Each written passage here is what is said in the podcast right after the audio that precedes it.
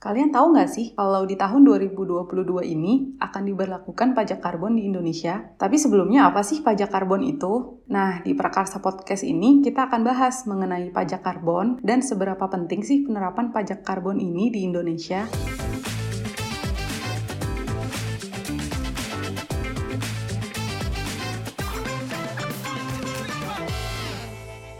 Selamat datang di podcast Prakarsa. Uh, perkenalkan saya Mira. Uh, hari ini kita akan membahas tentang uh, isu mengenai pajak karbon yang nanti akan dibahas oleh narasumber kita. Di sini hari ini ada Ibu Astri Warih Anjarwi. Beliau merupakan dosen di Fakultas Ilmu Administrasi, Prodi Administrasi Perpajakan di Universitas Brawijaya. Uh, mungkin untuk pembukaan kita akan berkenalan dulu dengan apa itu prakarsa. Um, perkenalkan Bu, uh, saya Panji dari uh, uh, Prakasa.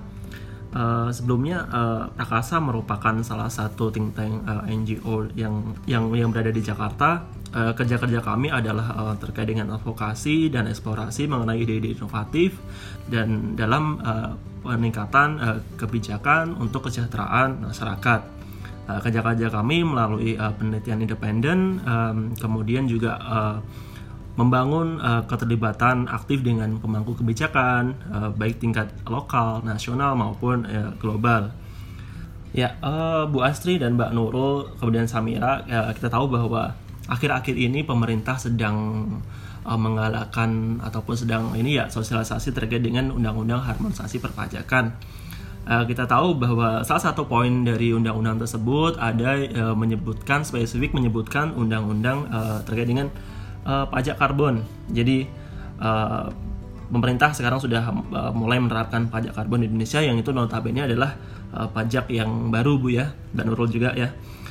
Nah, uh, apa sih sebenarnya pajak karbon itu dari berbagai uh, fungsi yang ada kemudian di situasi saat ini uh, apa sih sebenarnya uh, urgensi dari pajak karbon ini diterapkan?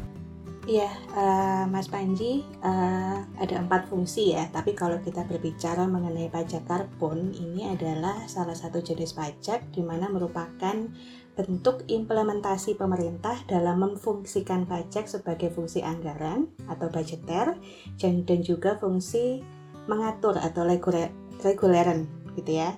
Nah, kita bahas satu-satu gitu ya. Kalau fungsi anggaran, budgeter dalam hal ini ya instrumen pajak itu sebagai sumber penerimaan. Penerimaan dari mana gitu ya? Yaitu dari penerimaan atas pemakaian bahan bakar yang mengandung hidrokarbon atau yang biasa disebut dengan bahan bakar fosil, di antaranya ya seperti batu bara, petroleum, dan gas alam. Nah, fungsi yang kedua, di situ ada fungsi pengatur atau reguleran. Jadi, instrumen pajak itu sebagai bentuk untuk intervensi pemerintah atau bentuk intervensi pemerintah dalam mengatur perilaku yang membawa dampak buruk atau memiliki eksternalitas negatif. Nah, pajak ini lebih kerennya gitu ya, lebih terkenalnya itu disebut dengan pajak Piguvian Lalu apa perilaku yang harus dikontrol dari pajak ini gitu ya yaitu ya kegiatan ekonomi yang menggunakan bahan-bahan yang berkonten karbon yang di mana ujungnya itu bisa menimbulkan emisi karbon yang bisa mencemari lingkungan kita khususnya di Indonesia. Oke, jadi sesuai dengan fungsi dari uh, pajak bu ya. Nah, jika dikaitkan dengan situasi saat ini bu, uh, di mana kita tengah mengalami krisis uh, akibat COVID ya Bu ya. Nah, ini kan kita tahu bahwa pemerintah sedang kekurangan dana uh, dan salah satunya juga pajak ini uh, di dalam fungsinya juga ada tuh fungsi uh, sebagai sumber penerimaan. Nah, jika dikaitkan dengan fenomena saat ini, Bu, um, sebenarnya tepat nggak sih um, pajak karbon itu diterapkan uh, pada saat ini gitu? Penting nggak penting ya. Tapi uh, tentu saja kan memang penerimaan negara itu kan banyak ya. Maksudnya jenisnya banyak. Ada yang dari perpajakan ada yang dari PNBP dan lain sebagainya. Nah khusus untuk pajak karbon ini memang dikhususkan untuk uh, memperbaiki kualitas udara gitu ya. Uh, entah ya uh, pada saat uh, pengalokasian penerimaan pajak ini mungkin belum diatur jelas ya berapa persen untuk COVID, berapa persen untuk uh, apa namanya untuk memperbaiki kualitas udara. Tapi kalau kita membahas mengenai pajak karbon gitu ya, uh, saya rasa ini ini nggak kalah penting daripada dibanding COVID gitu ya. Kita tahu bahwa saat ini gitu ya WHO itu sudah menyatakan bahwa 9 dari 10 orang saat ini itu sudah menghirup udara dengan tingkat polutan yang tinggi. Di mana polusi udara ini yang merupakan salah satu faktor yang bisa menyebabkan berbagai penyakit yang berbahaya, ya juga bisa menyebabkan kematian tertinggi, seperti juga COVID-19 kan seperti itu. Nah, sehingga uh, sangat penting ya sebenarnya pajak ini gitu untuk diterapkan gitu karena Indonesia juga tidak luput dari perhatian dunia. Bahkan pada tahun 2018 pada saat itu Jakarta mendapatkan peringkat 10 besar sebagai ibu kota negara dengan kualitas udara terburuk di dunia. Nah, maka dari itu Indonesia harus ikut bertanggung jawab dong untuk memperbaiki kualitas udara ini gitu ya. Nah, dengan uh, Indonesia sudah sudah apa mengambil langkah ya yaitu dengan melakukan komitmen penurunan emisi yang dituangkan dalam proposal komitmen penurunan emisi dalam bentuk NCD atau Nationally Determined Contribution dan Indonesia juga telah meratifikasi persetujuan Paris melalui Undang-Undang Nomor 16 Tahun 2016. Nah, ini adalah sebagai upaya untuk mengurangi emisi. Pemerintah juga dapat uh, mewujudkannya dengan menciptakan kebijakan pengenaan pajak karbon. Jadi dibandingkan COVID ya ini juga perlu diperhatikan gitu karena ini juga sama-sama menyebabkan kematian yang tinggi loh gitu. Jadi uh, betul bu, jadi momen COVID ini juga uh, mungkin momen yang uh, paling tepat bu ya untuk uh, menerapkan pajak karbon ini dan juga uh, agenda panjang untuk uh, pemerintah Indonesia uh, dalam uh, turut andil dalam penurunan emisi global bu ya satunya uh, juga melalui pajak karbon untuk peralihan sumber energi yang lebih ramah lingkungan. Betul. Jadi peralihan sumber energi yang lebih ramah lingkungan juga apa namanya harus segera dilakukan ya Panji ya. Kan kita tahu bahwa Indonesia itu tadi sudah saya, saya sampaikan bahwa dia itu juga menyumbang emisi karbon yang cukup tinggi gitu ya. Bisa kita lihat dari uh, meningkatnya aktivitas yang menyebabkan kerusakan alam gitu. Nah, dengan adanya kebijakan ini gitu ya, uh, pasti akan menyebabkan apa ya? akan berdampak terhadap biaya produksi, harga listrik dan transportasi akan menjadi lebih mahal karena terkena pajak ini gitu.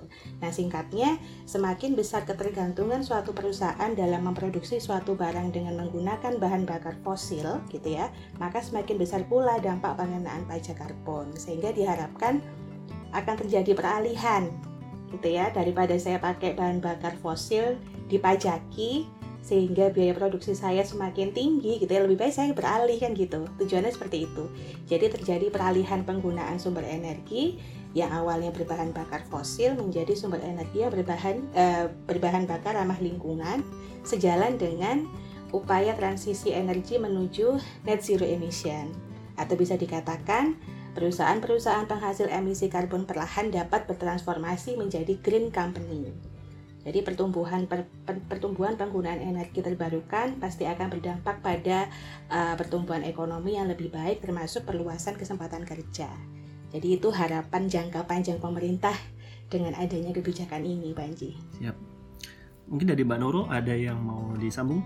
Oke, uh, menyambung sedikit dari Panji tadi tadi saya dengar sedikit menarik ya Bu ya terkait uh, bagaimana pajak karbon ini sebenarnya juga berpotensi untuk membiayai transparansi transisi energi termasuk juga uh, nantinya dampaknya ke perbaikan kualitas udara lalu juga peralihan sumber energi yang lebih uh, clean gitu ya. Nah, kalau proses earmarkingnya sendiri terhadap pajak karbon itu seperti apa Bu? Agar juga bisa dimanfaatkan untuk pembiayaan transparansi transisi energi. Jadi kan memang kebijakan itu bisa dikatakan berhasil atau tidak itu kan kalau sudah mencapai tujuannya ya Bu Nurul ya. Jadi uh, pemerintah uh, berhasil tidak ukuran berhasil tidaknya pemerintah dalam menerapkan pajak karbon itu dapat dilihat dari bagaimana pengalokasian penerimaan pajak karbon untuk pengendalian uh, pengendalian perubahan iklim yaitu mitigasi dan juga adaptasi perubahan iklimnya.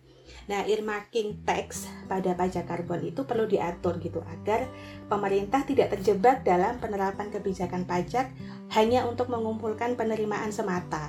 Ini kadang-kadang lupa nih pemerintah ya. Jadi nyari uang tapi lupa ini dialokasikan untuk apa awalnya gitu. Jadi earmarking inilah yang mengarahkan pemerintah supaya uh, tujuannya tidak dilupakan gitu. Nah, penerimaan pajak karbon ini sebaiknya dialokasikan untuk biaya kesehatan ya masyarakat yang terdampak. Biasanya ini masyarakat yang memang dekat dengan lokasi uh, pusat polusi tadi gitu ya. Nah, selain itu pemerintah Indonesia juga dapat memberikan insentif kepada pelaku industri dan yang tidak kalah penting gitu ya, sebaiknya dana dari pajak karbon ini digunakan untuk kepentingan pengembangan berkesinambungan energi terbarukan dan juga energi yang tidak terbarukan gitu. Karena kan memang kita harus mewariskan uh, sumber daya alam untuk uh, penerus bangsa nanti begitu. Jadi itu yang memang harus diperhatikan oleh pemerintah. Menurut saya seperti itu. Iya.